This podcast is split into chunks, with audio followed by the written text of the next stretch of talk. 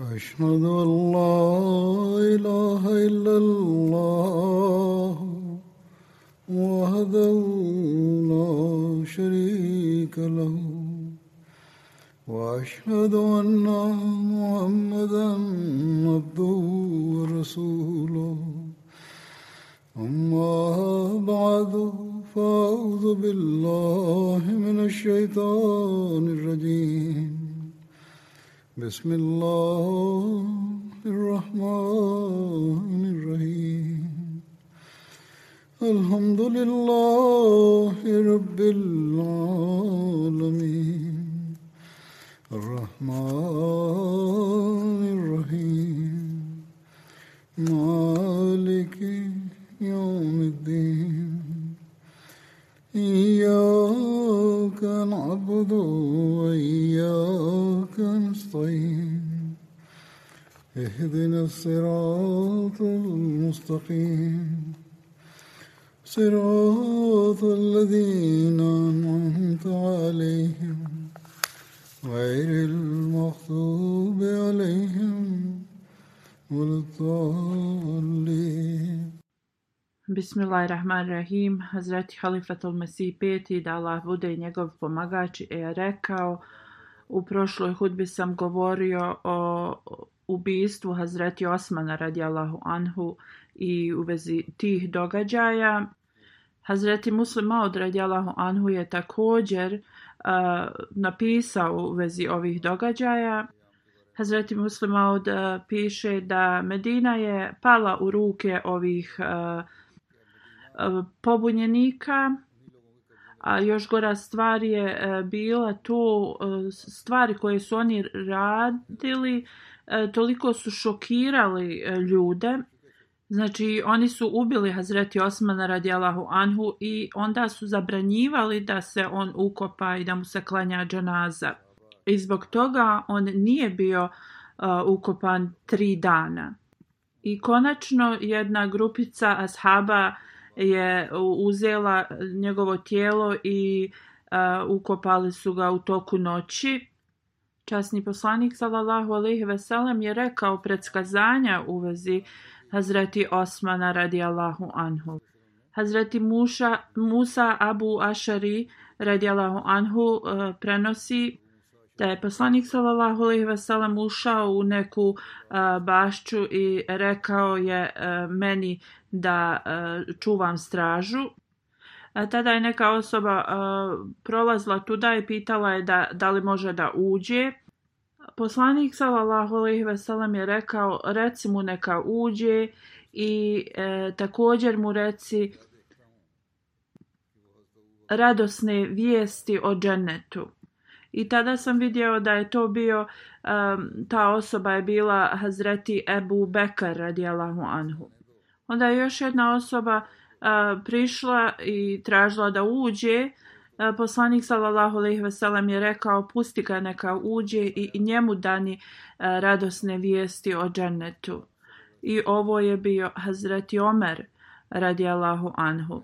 Posle toga još jedna osoba je isto došla poslanik sallallahu alejhi ve sellem je prvo uh, malo uh, nije ništa govorio i onda je rekao pusti njega neka uđe i dani mu uh, radosne vijesti o džennetu. Kako god ova osoba će da prođe kroz uh, velika iskušenja. Uh, Prenosjec kaže ta osoba je bio Hazreti Osman bin Affan radijallahu anhu. Hazreti Enes radijallahu anhu prenosi da je poslanik sallallahu alejhi ve sellem se b, popeo na planinu Uhud. S njim su bili Hazreti Abu Bekr, Omer i Osman radijallahu anhu. E, tada se e, planina Uhud zatresla. Poslanik sallallahu alejhi ve sellem je rekao: "O Uhude, zaustavi se." Prenosilac kaže, e, vjerujem da je poslanik sallallahu alejhi ve sellem udario kao nogom e, na, na tlo i rekao poslanik, sidik i dvojica šehida stoje e, na tebi. Hazreti Ibni Umar radijallahu anhu prenosi u vezi e, pobuna poslanik sallallahu alejhi ve sellem je rekao ova osoba će da bude e, ubijena u, u u pobunama i kao u, u okupaciji. I onda je, uh, kad je to govorio, pokazivao je na Hazreti Osmana radijalahu anhu. U hadisu nalazimo uh, detalje o, o nasljedstvu uh, koje je ostavio uh, Hazreti Osman radijalahu anhu. Abdullah bin Utba prenosi da na dan kad je Hazreti Osman radijalahu anhu bio ubijen, njegov blagajnik, njegova blagajna je imala 30 miliona 500 hiljada dirhama, 150 dinara i to je pripadalo Hazreti Osmanu radijalahu anhu. I to je sve bilo uh, pokradeno. Također je imao hiljadu uh, kamila koje su uh, boravile u Rabzi. Uh, to je mjesto gdje je uh, udaljeno tri dana od Medine. Također je ostavio e, 200.000 dinara kao uh, za sadaku. Već sam spominjao da je Hazreti Osman rekao ja sam uh, bio uh, bogat čovjek, ali sada ja imam samo dvije kamele za hađ. Sada ovo je moguće da uh, je to blago pripadalo um, nacionalnoj blagajni, dok je ovaj uh, što prenosi hadis to pripisao Hazreti uh, Osmanu radijalahu anhu. Također je moguće da je to bilo uh, tačno njegovo, sve što sam naveo, ali da je on to sve dao u državnu blagajnu tako da se može da udjeljuje kao sa, e, sadaka ili pomoć ko, kome je potrebno. A također već sam e, spomenuo hadis koji je e, povezan s njim u vezi ovoga u ranijoj hudbi. Prema hadisima koji prenose ti koji se brinuli o, o blagajnoj, ti blagajnici, E, možemo da vidimo da, da je to bilo uh, nacionalno u nacionalnoj blagajnoj jer oni su bili postavljeni da se brinu o tome. Hadisi u vezi uh, ubistva uh, Hazreti Osmana radijalahu anhu uh, su kao sljedeći.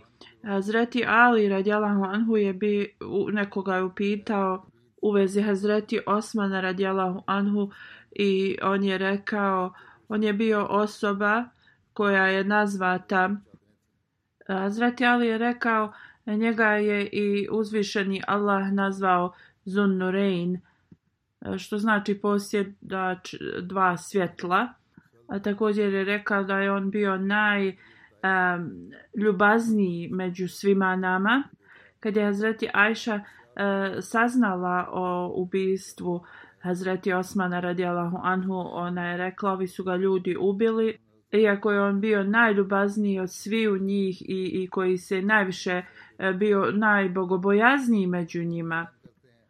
Također hadis uh, u vezi molitve poslanika sallallahu alejhi ve sellem uh, za njegove zetove u Al Istijabu je zapisano da je časni poslanik sallallahu alejhi ve sellem rekao molio sam se uzvišenom gospodaru da ne dozvoli da ni jedan uh, e, čovjek koji je moj zet uh, uđe u džehennem ili čovjeku uh, kojem sam ja zet. Mahmud bin Labid uh, prenosi da je vidio Hazreti Osmana bin Afana radijallahu anhu E, da je jahao na mazgi i e, bio je ogrnut sa dva e, žuta ogrtača. Hakan bin Sald prenosi. Moj otac mi je rekao da je bio u prisustvu kad je Hazreti Osman uh, držao hudbu. Uh, imao je uh, crnu odjeću, a njegova kosa uh, je bila uh, imao je kanu na, na kosi, knu. Sulim Abu Amir prenosi da je vidio Hazreti Osmana u jemenskoj odjeći koja je koštala 100 uh, e, dirhama. Muhammed bin Umar prenosi Upitao sam Amar bin Abdullah, Urva bin Halid i Abdurrahman bin Abu Zinad u vezi uh, izgleda Hazreti Osmana radjala Huanhu. Uh, svi su mi rekli niti je bio puno visok ni nizak. Imao je prelijepo lice, nježnu kožu, imao je gustu i dugu bradu. Imao je svjetlo smeđu put, bio je vrlo jakog uh, izgleda, širokih ramena i guste uh, ko, kose Vakid bin Abu Yasir prenosi da je Hazreti Osman imao a, povezane zube sa a, zlatnom žicom. A, drugi prenosioc kaže a, kada bi Hazreti Osman izlazio iz svoje kuće petkom, a, bio bi zagrnut sa dva a, žuta platna onda bi sjeo na mimber i e, tad bi mu jezin počeo da uči ezan. Kad bi mu jezin završio, on bi ustao i ustao bi odupirajući se e, za ručku na mimberu i držao bi se dok bi održavao hudbu. Onda bi sišao s mimbera i e, mu jezin bi proučio i kamet. Hasan prenosi, vidio sam Hazreti Osmana da spava u džamiji i smotao bi svoju grtač kao jastuk. Musa bin Tal Talha prenosi da petkom uh, Hazreti Osman bi stajao, držao bi se za ručku na mimberu, bio je prelijep, ljepši od sviju prisutnih, nosio bi dva a, žuta platna, jedno bi bilo dorni dio odjeće, drugo gornji. Poslanik sallallahu alejhi ve sellem je imao prsten na kojem je pisalo Muhammedu Resulullah i poslanik sallallahu alejhi ve sellem je nosio taj prsten. U vezi ovoga u hadisu nalazimo Hazreti Anas bin Malik prenosi da kad je poslanik sallallahu alejhi ve sellem uh, eh, htio da napiše eh, pismo bizantinskom eh, kralju i rek, bilo mu je rečeno ako eh, pismo nema eh, pečat onda to pismo se ne čita ispred kralja. Onda je poslanik sallallahu alejhi ve sellem nas napravio eh, od srebra prsten na kojem je pisalo Muhammed Allahov poslanik prenosioc kaže isto kod da i danas mogu da vidim uh, ljepotu tog prstena na njegovoj ruci. Prenosioc kaže da je poslanik nosio taj prsten, posle njega Ebu Bekar radijalahu anhu, onda Hazreti Omar, uh, Omer radijalahu anhu, onda uh, u, u toku hilafeta Hazreti Osmana, uh, Hazreti Osman radijalahu anhu je sjedio kraj nekog bunara koji se zvao Aris. Uh, prenosio kaže Hazreti Osman je u, u, izvadio taj prsten i kao igrao se s njim i onda je uh, taj prsten mu ispao, to jest on je ga okretao oko prstena, oko prsta taj prsten I on kaže, tražili smo ga tri dana zajedno sa Hazreti Osmanom i sva voda iz bunara je bila iz, uh, ispražnjena, ali eh, uh, prsten nismo našli. Hazreti Osman je bio vrlo uh, tužan u vezi toga što je izgubio taj prsten i rekao ako god nađe taj prsten dobit će veliku nagradu. I kada se sva nada izgubila da će naći taj prsten, onda je Hazreti Osman naredio da se isti prsten od srebra napravi i onda je identičan prsten napravljen na kojem je pisalo Muhammed Allahov poslanik. Hazreti Osman je nosio taj prsten do svoje smrti. Kada je Hazreti Osman bio ubijen, neka nepoznata osoba je uzela taj prsten. Hazreti Osman je bio dio Ašera Mubašera. Hazreti Abdurrahman bin Ahnes eh, prenosi da je bio u džami kad je neka osoba govorila vrlo ružno u vezi Hazreti Alija radijalahu anhu. A on je tad rekao, ustao sam rekao uh, kunem se Allahom da uh, ili ja sam svjedok E, da je poslanik sallallahu alejhi ve sellem nabrojao deset ljudi koji će ući u džennet. Časni poslanik sallallahu alejhi ve sellem će ući u u džennet. Ebu Bekr radijallahu anhu će ući u džennet. Hazreti Omer radijallahu anhu će ući u džennet. Osman radijallahu anhu, Ali radijallahu anhu će ući u džennet. Talha Abdurrahman bin Auf, Zubair bin Awam će ući u džennet, Sad bin Malik će ući u džennet. I ako želim, mogu vam reći desetu osobu. Prenosjec kaže, pitali su ga u vezi desete osobe. Hazret Sejd bin Zaid je e, prvo malo e, nije ništa govorio e, i onda su ljudi opet pitali ko je deseta osoba. Onda je rekao Sejd bin Zaid. To jeste on. Hazret, uh, eh, Halifatul Mesih kaže da je eh, već spomenuo ovaj hadu, hadis eh, kada je govorio o, o njemu. Hazreti Talha bin Ubejdullah prenosi da je poslanik sallallahu alejhi ve sellem rekao svaki poslanik ima prijatelja, a moj prijatelj je Osman. To jeste biće s njim u džennetu. Hazreti Džaber prenosi da jednom bili smo u kući sa poslanikom sallallahu alejhi ve sellem, grupa muhadžira. Tu su bili Hazreti Abu Bekr, Osman, Omer, Ali, Talha, Zubeir, Abdurrahman, Abdurrahman bin Auf, Sad bin Abi Vakas. Časni poslanik sallallahu alejhi ve sellem je rekao Ustanite i stanite jedan e, pored drugog. Poslanik sallallahu alejhi ve sellem je stao pored Osmana radijallahu anhu i kad ga je zagrlio rekao mu je ti si moj prijatelj na ovom svijetu i na ahiretu. Abu Sahla oslobođeni e, rob Hazreti Osmana kaže, prenosi na Jevmedar dan kada su e, pobunjenici okružili Hazreti Osmana i kad su ga ubili, ja sam rekao Hazreti Osmanu, o vođo vjernika, bori se protiv ovih ljudi koji rade ove stvari. Hazreti Osman eh, radjala Honhu je rekao, tako mi Boga ja se neću boriti protiv njih.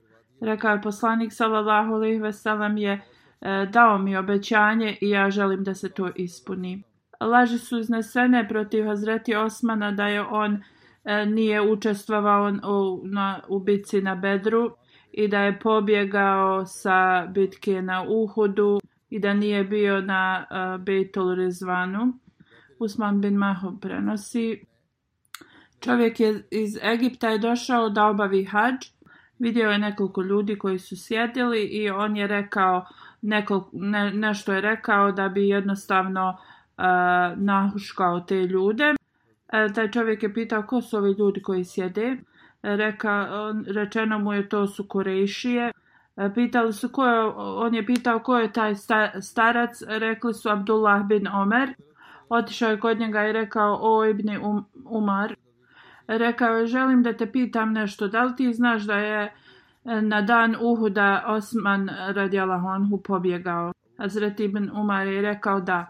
On je rekao da li znaš da nije učestvovao u bitci na Bedru.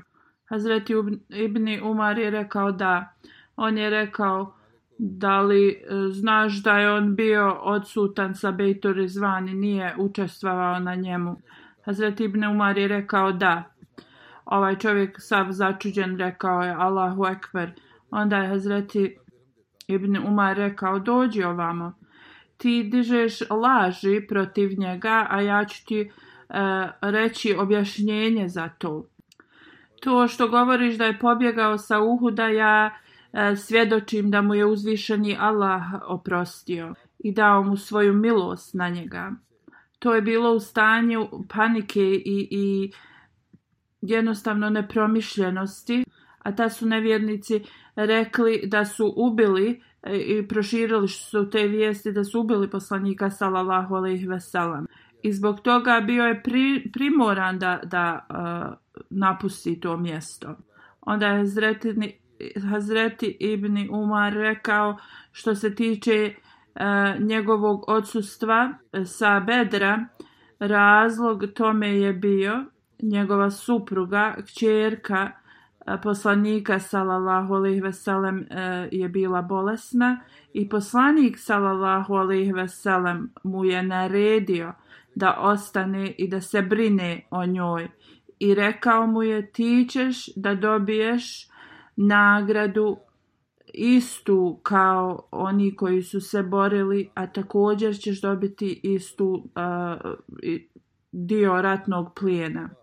A što se tiče Bejtu Rezvan, znaj ovo da niko u to vrijeme nije bio više poštovan od Hazreti Osmana u Mekki. I tad poslanik sallallahu alejhi ve sellem bi zaista nekog umjesto njega poslao, ali pošto je on bio najpoštovaniji čovjek Mekke, on je bio poslan kao izaslanik ispred muslimana a Bejt Redvan se tad desio kad je on otišao s naređenjem poslanika sallallahu alejhi ve sellem da se sastane s ljudima iz Mekke. U toku tog bejata Rezvan poslanik sallallahu alejhi ve sellem je e, stavio svoju desnu ruku, a pokazujući na lijevu ruku rekao je ovo je ruka Hazreti Osmana radijallahu anhu. I stavio je lijevu ruku preko svoje desne i rekao ovo je ruka Osmanova.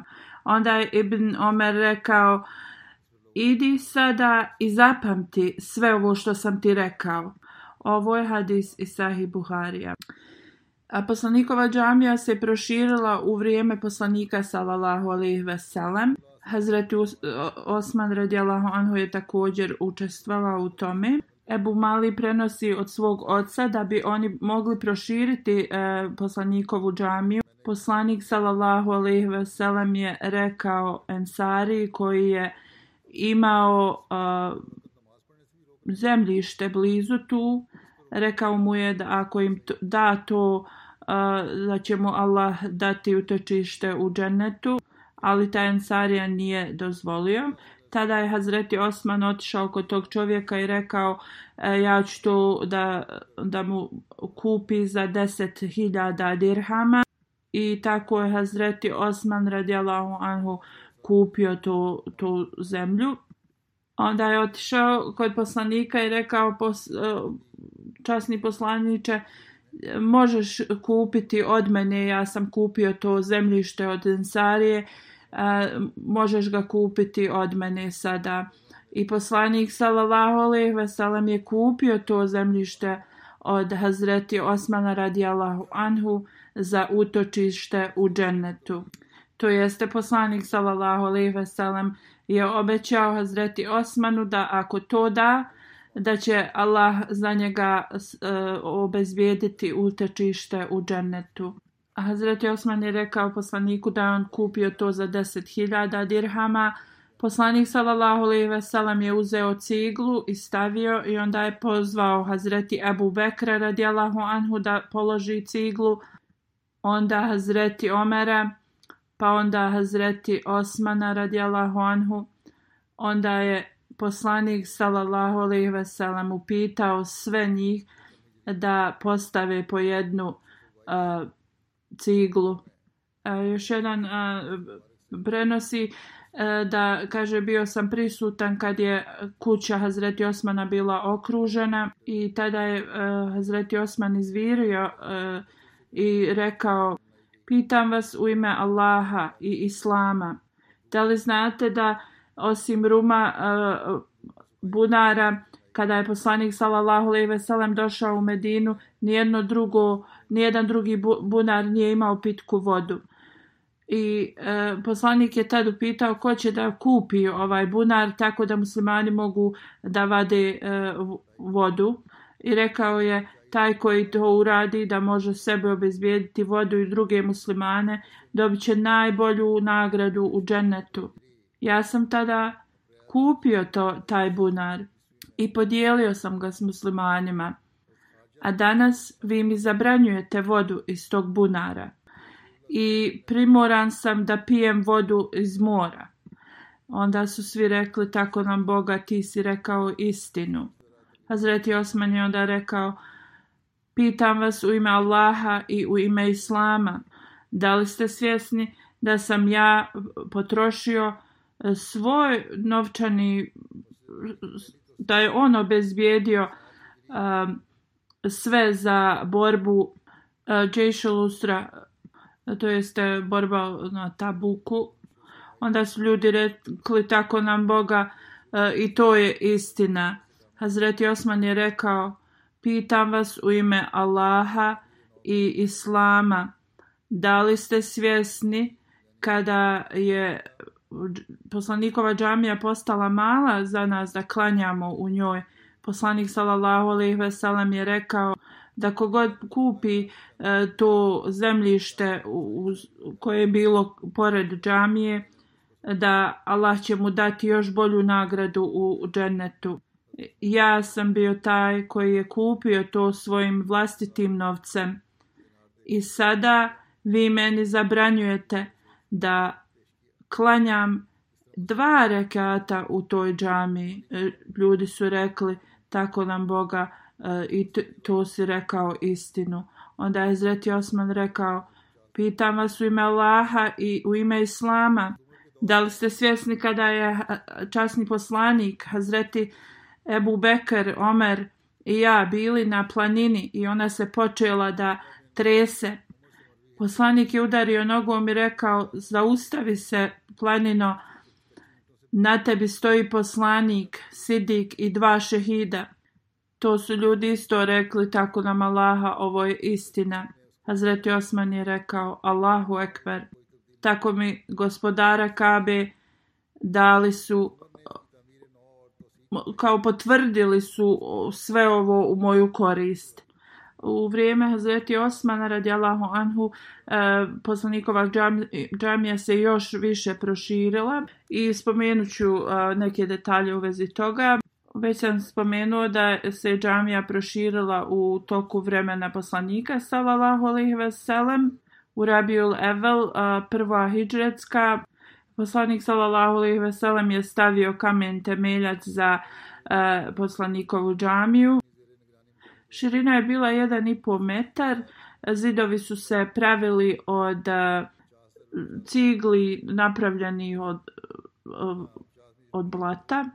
I visina je bila oko 3,5 metra, a širina tih cigli je bila e, jedna trećina metra i završila se izgradnja u, u Ševalu, u prvoj hidžretskoj.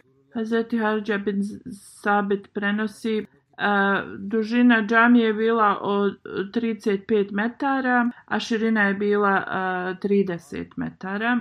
U tok poslanikovog života u Muharremu u sedmoj hijđretskoj prva proš, prvo proširavanje te džamije se e, desilo.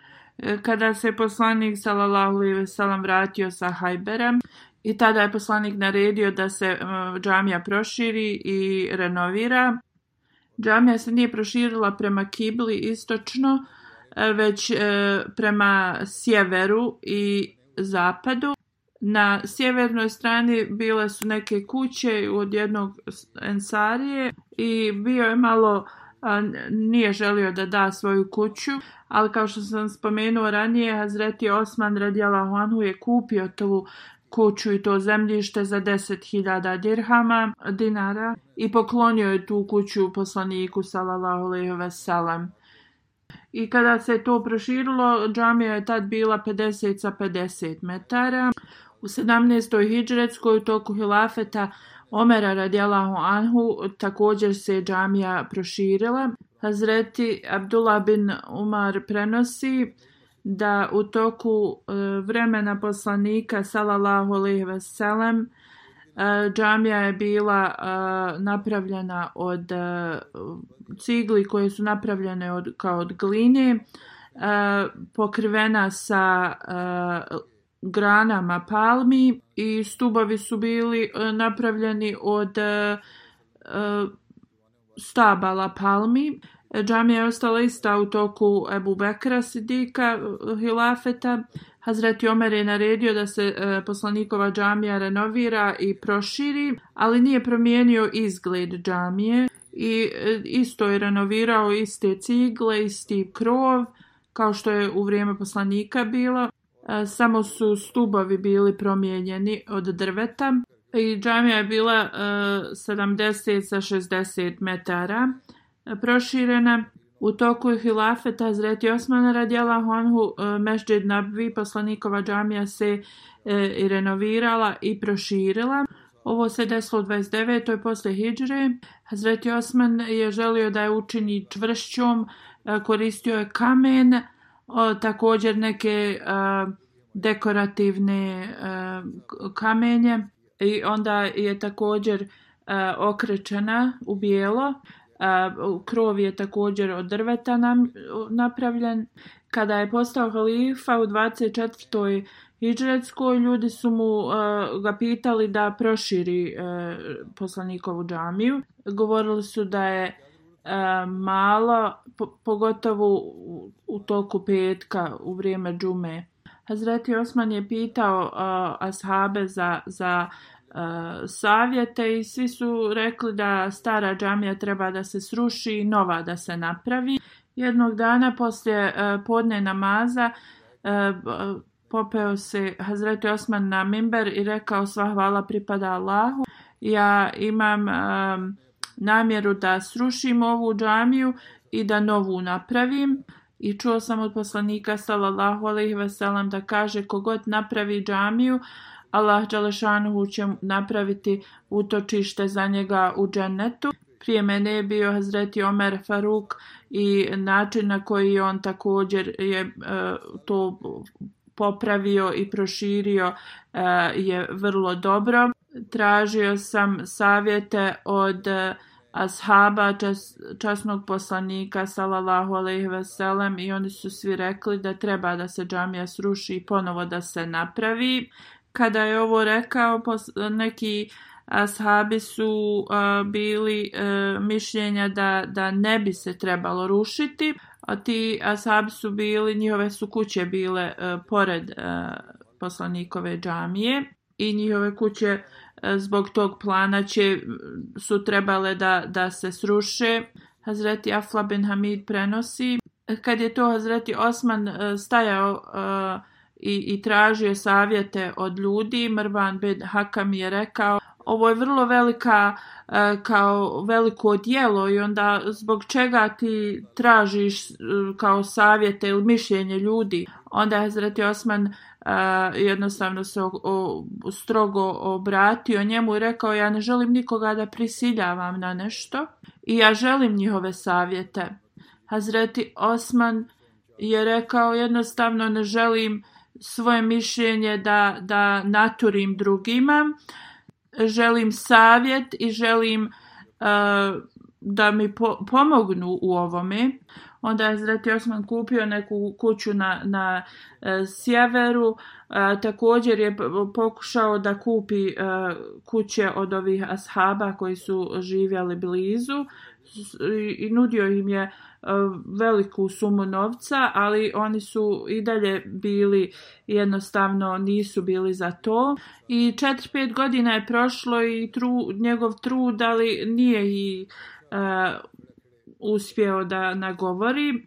Hazreti Ubejdullah Hulani prenosi i da je, da je Hazreti Osman e, rekao tim ljudima dobro u redu, rekli ste dovoljno, ali ja vam govorim da sam čuo poslanika sallallahu alejhi ve sellem koji govori kogod napravi džamiju da Allah će nagraditi te ljude a, u, u džennetu velikom nagradom. Mahmud bin Labid prenosi kad je Hazreti Osman htio da a, popravi e, a, Mežđid Nabvi, E, ljudi se nisu e, složili s njegovim e, preporukama. Rekli su da Mešđid Nabvi treba da ostane u istom stilu kao što je bilo u vrijeme poslanika sallallahu alejhi ve sellem. Hazreti Osman radijallahu anhu je rekao kogod izgradi džamiju da bi dobio zadovoljstvo uzvišenog Allaha, Allah će u džennetu dati im utočište. I uh, kad je postigao, uspjeo da uh, nagovori ljude, renovacija je počela 29. posle Hidžre i u 30. Uh, poslije Hidžre, uh, nakon 10 mjeseci, uh, završila se renovacija.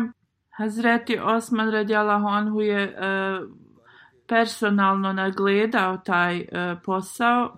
Abdurrahman bin Safina prenosi e, da kada bi cemenat e, bio napravljen, donos, donošen bi e, ispred Hazreti Osmana i on bi rekao gdje treba da se to i, izlije i, i sve je nadgledao i kada bi došlo vrijeme namaza klanjao bi s radnicima, ponekad bi spavao na, tu na, na tom mjestu. Hazreti Osman je pro, proširio tad džamiju prema Kibli i dan danas je e, ostala tako i također prema sjeveru je e, proširio otprilike 25 metara i prema zapadu također. A prema e, istoku nije proširio zato što su tu a, bile kuće e, poslanikovih supruga. I tad je džamija bila 80 sa 75 metara. E, na džami tad u njegovo vrijeme e, je bilo šest e, vrata i po prvi put neki dizajn je bio napravljen na zidovima i bile su u bijelom. Hadža bin Zaid prenosi da Hazreti Osman radijalahu anhu je stavio i prozore na zapadnoj i istočnoj strani mešđida. Jedna kuća koju je morao kupiti je bila od Umul Mu'minin Hazreti Hafsa, poslanikova supruga. Ona je dobila kuću koja je bila na strani Kible i uz džamiju i napravljena su vrata da je ona mogla vrlo lahko ulaziti i izlaziti iz džamije i neke kuće od Abu Džafera za stotinu hiljada dirhama su kupljene i neke od Darul Bas isto su a, kupljena Isto e, a, mihra poslanika sallallahu alejhi ve sellem je također pomaknut prema kibli i, i danas je na istom mjestu taj mihrab. I tad su od željeza stubovi napravljeni sa kamenjem. Također su obratili veliku pažnju gdje je poslanik sallallahu alejhi ve sellem od palminog drveta stavljao stubove da su sad ovi novi čvršći stavljeni na isto mjesto. Isto za Jerusalem što su Bizantici napravili um, lupu na, na, uh, u, u Jerusalemu, uh, tako je uh, iz, konstrukcija urađena i u Medini na poslanikovoj džami. Zato što je Hazreti Omer radijalahu anhu dok je uh, klanjao namaz bio uh, ubijen, uh, onda je Hazreti Osman radijalahu anhu napravio um, od, od cigle koja je imala rupe između da koji klanjaju mogu da i dalje vide imama, ali je bio kao zid uh, radi uh, sigurnosti imama i ovo je prva bila e, uh, jedna mjera uh, mjera da, da se zaštiti imam i posle isto su to je postalo kao svugdje se tako pravila u, u džamijama. Da u, oko mihraba se napravi taj, taj zid. Ali i dalje e, džamat je mogao da vidi imama. Obećani Mesele Salam kaže da Hazreti Osman radijalahu anhu kao uh, poslanik Sulejman salam e, oba dvojica su voljeli da, da prave velike e, velike objekte. Vrijeme Hazreti Alija je bilo ispunjeno unutrašnjim e, pobunama i, i spletkama. Muavija je bio na jednoj strani, na drugoj Ali radijalahu anhu i radi ovoga mnogo se muslimanske krvi prolilo u ti šest godina u islamu nisu se neke e, neki radovi nisu se uopšte održali zbog, zbog toga. E, to se desilo u vrijeme Hazreti Osmana. Poslije njega civilni rat je iz, izbio. Obećanje Mesija i Salam dalje govori. Nije potrebno da džamije moraju biti vrlo e, čvrste i, i, i izgrađene na, na specifičan način. Na primjer, mjesto može, može se reći ovo je džamija i jednostavno se postaviti samo uh, kao ograditi se okolo. bambu lišće ili granje može se staviti samo da, da kiša ne pada na, na to. Uzvišenje Allah ne, ne voli eh, ogromne troškove i tako. Poslanikova džamija je bila znači izgrađena od, od uh, palminog uh, stabala i, i gline i, i lišća. Posle u vrijeme Hazreti Osmana radijalahu anhu koji je imao veliku uh, žar da, da izgrađuje objekte na, na vrlo specifičan način. On je bio taj koji je u, u, učvrstio džamiju i napravio je na specifičan način. A nekada pomislim da ime Osman i Sulejman su i, i po, po zvuku nekako slični i po toj njihovoj sličnosti u 26. godini a, se Al-Haram također a, proširio i tako kad se to a, sve dešavalo a, kao što je navedeno mnog, mnogi nisu željeli pa posle kada je a, Hazreti Osman naredio da, da se a, njihove kuće kupe i da se treba da ovo uradi. Mnogi su se počeli protiviti protiv njega, bili su onda pritvoreni. Onda je Hazreti Osman ih upitao e, da li vi znate zbog čega e, imate hrabrosti da mi se usporotivite. To jeste zato što se ja obhodim prema svima vrlo blago. Hazreti Omer radijalahu anhu je uradio istu stvar, proširio je džamiju, ali vi niste se njemu usprotivili. Abdullah bin Halid bin Huseid je posle uh, razgovarao sa Hazreti Osmanom u vezi tih koji su uh, pravili te uh, pobune i onda je on pustio. Prva borba protiv mornarica se desila u vrijeme Hazreti Osmana. Amir Muavija se je borio uh, pod, pod uh, naredbom uh, Hazreti Osmana u 28. Uh, hijđretskoj. Amir Muavija je tražio od Hazreti Omera radijalahu anhu da, da mu o, dozvoli da, da se vodi takva borba. A, Hazreti Omer mu nije uh, dozvolio i onda je pitao Hazreti Osmana u toku njegovog hilafeta E, pitao je nekoliko puta Hazreti Osmana i onda mu je rekao, dao mu je dozvolu, ali je rekao da ne može on da naredi nekome da ide da se bori na taj način. To je preko brodova. Jedino dobrovoljci mogu da, da idu u takvu borbu. Amir Muavija je uradio kako mu je bilo naređeno. Abdullah bin Kejs je bio postavljen kao komadant te e, mornarice i uh, on je učestvovao u 50 borbi i nijedan uh, se nije utopio uh, borac, niti su imali kakvih gubitaka. Poslanik sallallahu alejhi ve sellem je rekao onaj koji osoba koja je najsličnija njemu po moralu jeste Osman radijallahu anhu. Hazreti Abdurrahman bin Osman prenosi da je poslanik sallallahu alejhi ve sellem posjetio svoju kćerku kad je ona a, prala a, kosu od Hazreti Osmana radijallahu anhu i tad je poslanik rekao o moja kćerko a, obhodi se prema Abu Abdullahu to jeste prema Osmanu radijallahu anhu na najbolji način jer prema moralu on me prema moralima on je najsličniji meni od svih mojih ashaba. Hazret Jahja bin Abdurrahman bin Hatib kaž, prenosi od svog oca da nijedan od ashaba poslanika sallallahu alejhi ve sellem nije se mogao izraziti na najljepši način kao što je to mogao Hazreti Osman radijallahu anhu i ne bi se upuštao u, u bespotreban govor. Hazreti Abu Huraira je došao uh, kod poslanikove kćerke Rukeje. Hazur kaže da ovo je moralo biti da je Umi Kulsum zato što je uh, Rukeja preminula u toku bitke na Bedru, a e, uh, Hazreti Ebu Hureyra je primio islam pet godina poslije toga i onda je došao u Medinu, tako da sigurno je bila u Mikulsum, ona je preminula u devetoj poslije Hidžre.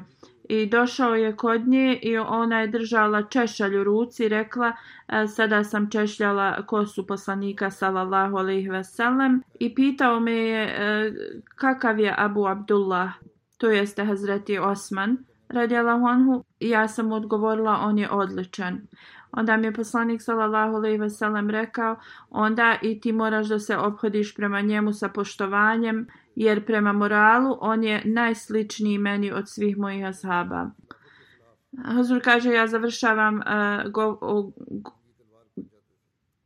ovdje uh, da govorim na temu o uh, životu Hazreti Osmana radijalahu anhu. Sada ću da spomenem uh, neke uh, preminule kojima ću da uh, klanjam dženazu u odsustvu. Mubešir Ahmed Rin Saheb, on je e, služio kao muallim u Vakfe Džedidu Rabbi. Preminuo je 10. juna i na Allahvina ili Rađiun.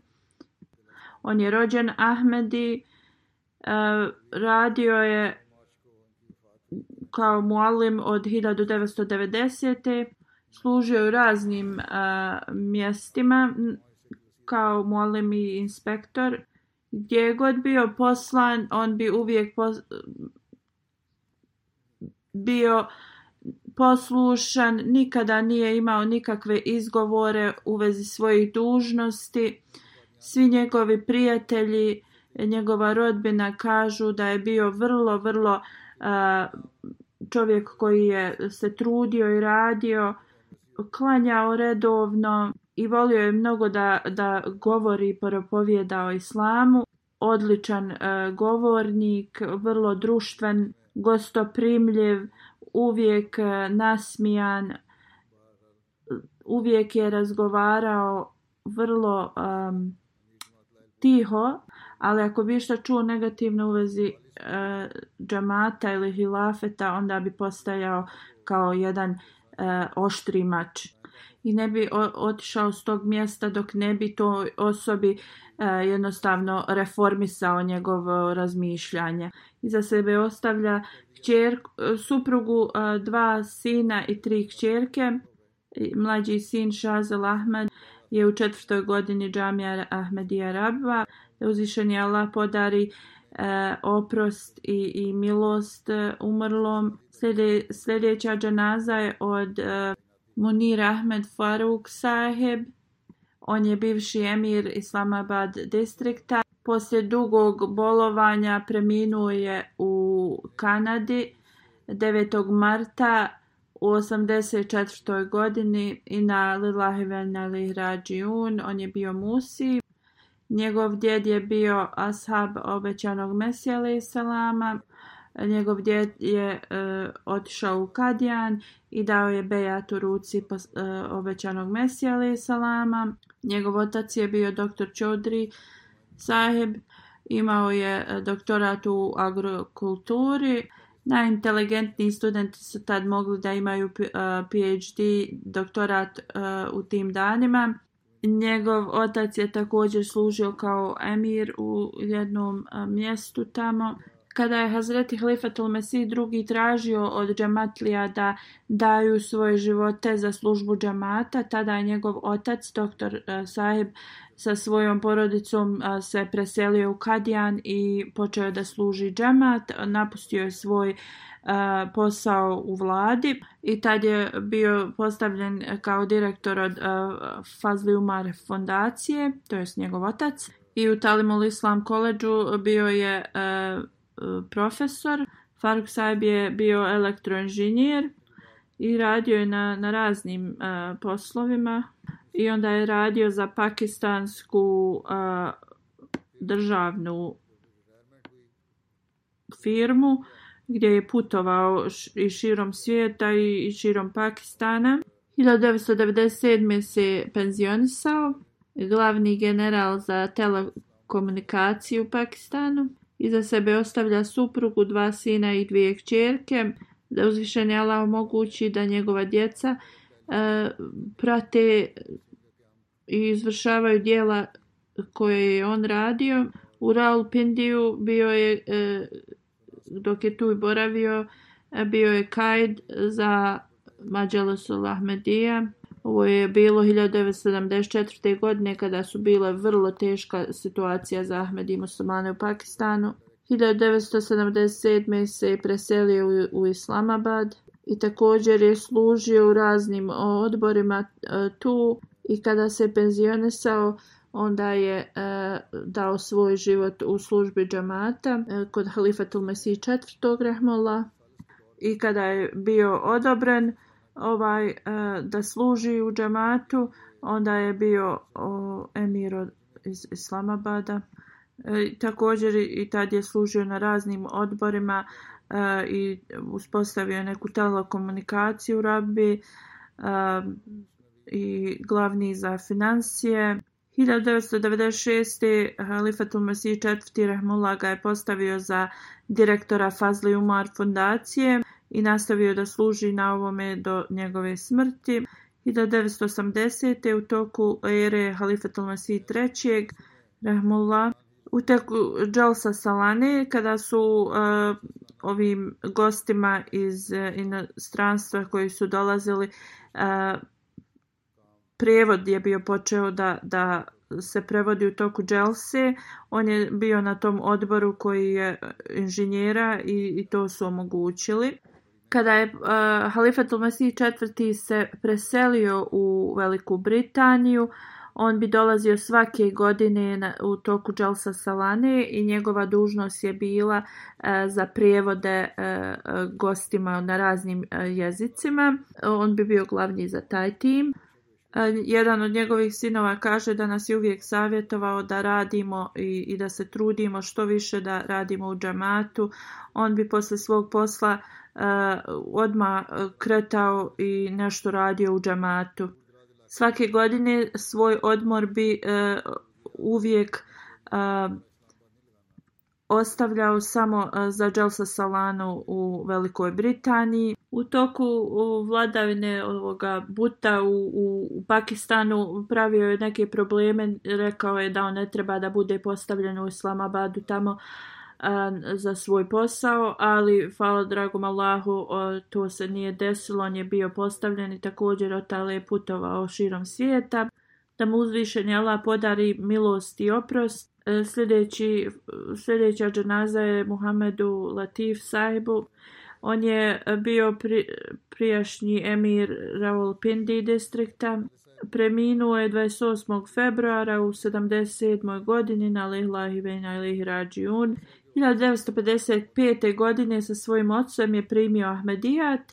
Otac mu je preminuo u 2000. toj. Uh, on je posle, znači, ostao jedini Ahmedi u svojoj porodici i njegova djeca. Ima suprugu, dva sina i dvije kćeri. Da uzvišeni Allah podari da i njegova djeca koračaju njegovim stopama. Kad se je penzionisao u 2000 dao je svo svoje vrijeme u službi džamata, služio je raznim o, odborima u džamatu i služio je džamat otprilike 20 godina. Bio je uvijek uh, u službi siromašnih i uvijek je govorio da je džemat blagoslov od uzvišenog Allaha. Kad bi god bio pozvan da nešto uh, uradi za džemat, iako je bio bolestan, imao je rak i uvijek ne bi se brinuo o svojoj bolesti, nego bi uh, išao da izvrši tu dužnost. Nikada nije odbio nikakvu službu u džamatu, da mu dragi Allah podari uh, oprost i milost. Sljedeća dženaza je Konak Bajk Omar Bakuf Saheb. On je uh, iz Kirgistana 22. februara je preminuo u 67. godini na Lilajvena ili Rađiun. Nacionalni presjednik Kurgistana piše Znam ga 15 godina, on je jedan među prvim Ahmedi u Kurgistanu i a, primio Ahmedijatu 2000. To je vrlo je bio iskren i lojalni Ahmedi musliman. Učestvovao je u svim programima u džamatu, redovno je davao finansijski i uvijek je to ispunjavao na vrijeme. Redovno je kla, klanjao pet dnevnih namaza i tahadžud u toku Sovjetskog saveza. On je imao kao vrlo a, dobar posao i svi su ga hvalili za njegov a, dobar rad, iskrenost, poštenje. Uh, on je pred kraj svog života prodavao knjige, e, posebno islamsku literaturu i prije nego što je džemat bio uh, uspostavljen tu, on je uh, dijelio literaturu džemata, prijevod Kur'ana i mnogi ljudi su uh, saznali o džematu od njega. Iza sebe ostavlja suprugu i sina koji ima 7 godina. Ovo je njegova druga supruga. On se razveo od prve supruge, ima uh, uh, stariju djecu s, uh, sa tom prvom suprugom, ali uh, vjerovatno oni nisu Ahmedi, da uzvišeni Allah je mogući da oni prihvate Ahmedijat i da njemu Allah podari milost i oprost. Misionar piše poslije eh, kada se objavio prijevod na ruski eh, jezik eh, časnog Kur'ana. Konak Beg sahib je ukazao na neke greške u prijevodu i onda sam mu rekao da pročita cijeli Kur'an i da nam pokaže greške. On je ovo završio za 10-15 dana, pročitao je cijeli Kur'an i podvukao je greške u prijevodu on misionar nadalje kaže na način na koji je on svoj abdest uzimao i klanjao e, svoje namaze. Čovjek može da se jednostavno bude ljubomoran na način e, na staleno, staležnost i, i smirenost njegovih namaza. E, jedan čovjek od e, njegovog džamata piše da je Konak Beksa je bio taj koji mu je govorio o džamatu. Kad bi ga god pitao o pitanja u vezi e, džamata, to bi odgovorio na najbolji način i odgovori su mu bili puni e, jednostavno logike, uh, razumijevanja, dokaza. Posjedovao je vrlo visoke morale i prema njegovom primjeru jednostavno i uzoru sam ušao u ova, ovu zajednicu, prihvatio sam Ahmedijat. Halifetul Masih kaže kada sam naredio da se trebamo da postimo o, dobrovoljni post, on je postio ponedjeljak i četvrtak i kad mu je rečeno da može da a, posti jedan dan, on je rekao ja želim da, da ispunim oba dva dana. Redovno je slušao uh, prijevod Kudbi na ruski, bio je vrlo vesela osoba, pobožan i bio je vrlo, vrlo predan tome da širi poruku Islama i Ahmedijata, da uzvišeni Allah mu podari milost i oprost, da uzvišeni Allah podigne status svih umrlih i da uzvišeni Allah podari njihovoj porodici i potomstvima da nastave e, u njihovim stopama i da izvršavaju dobra djela.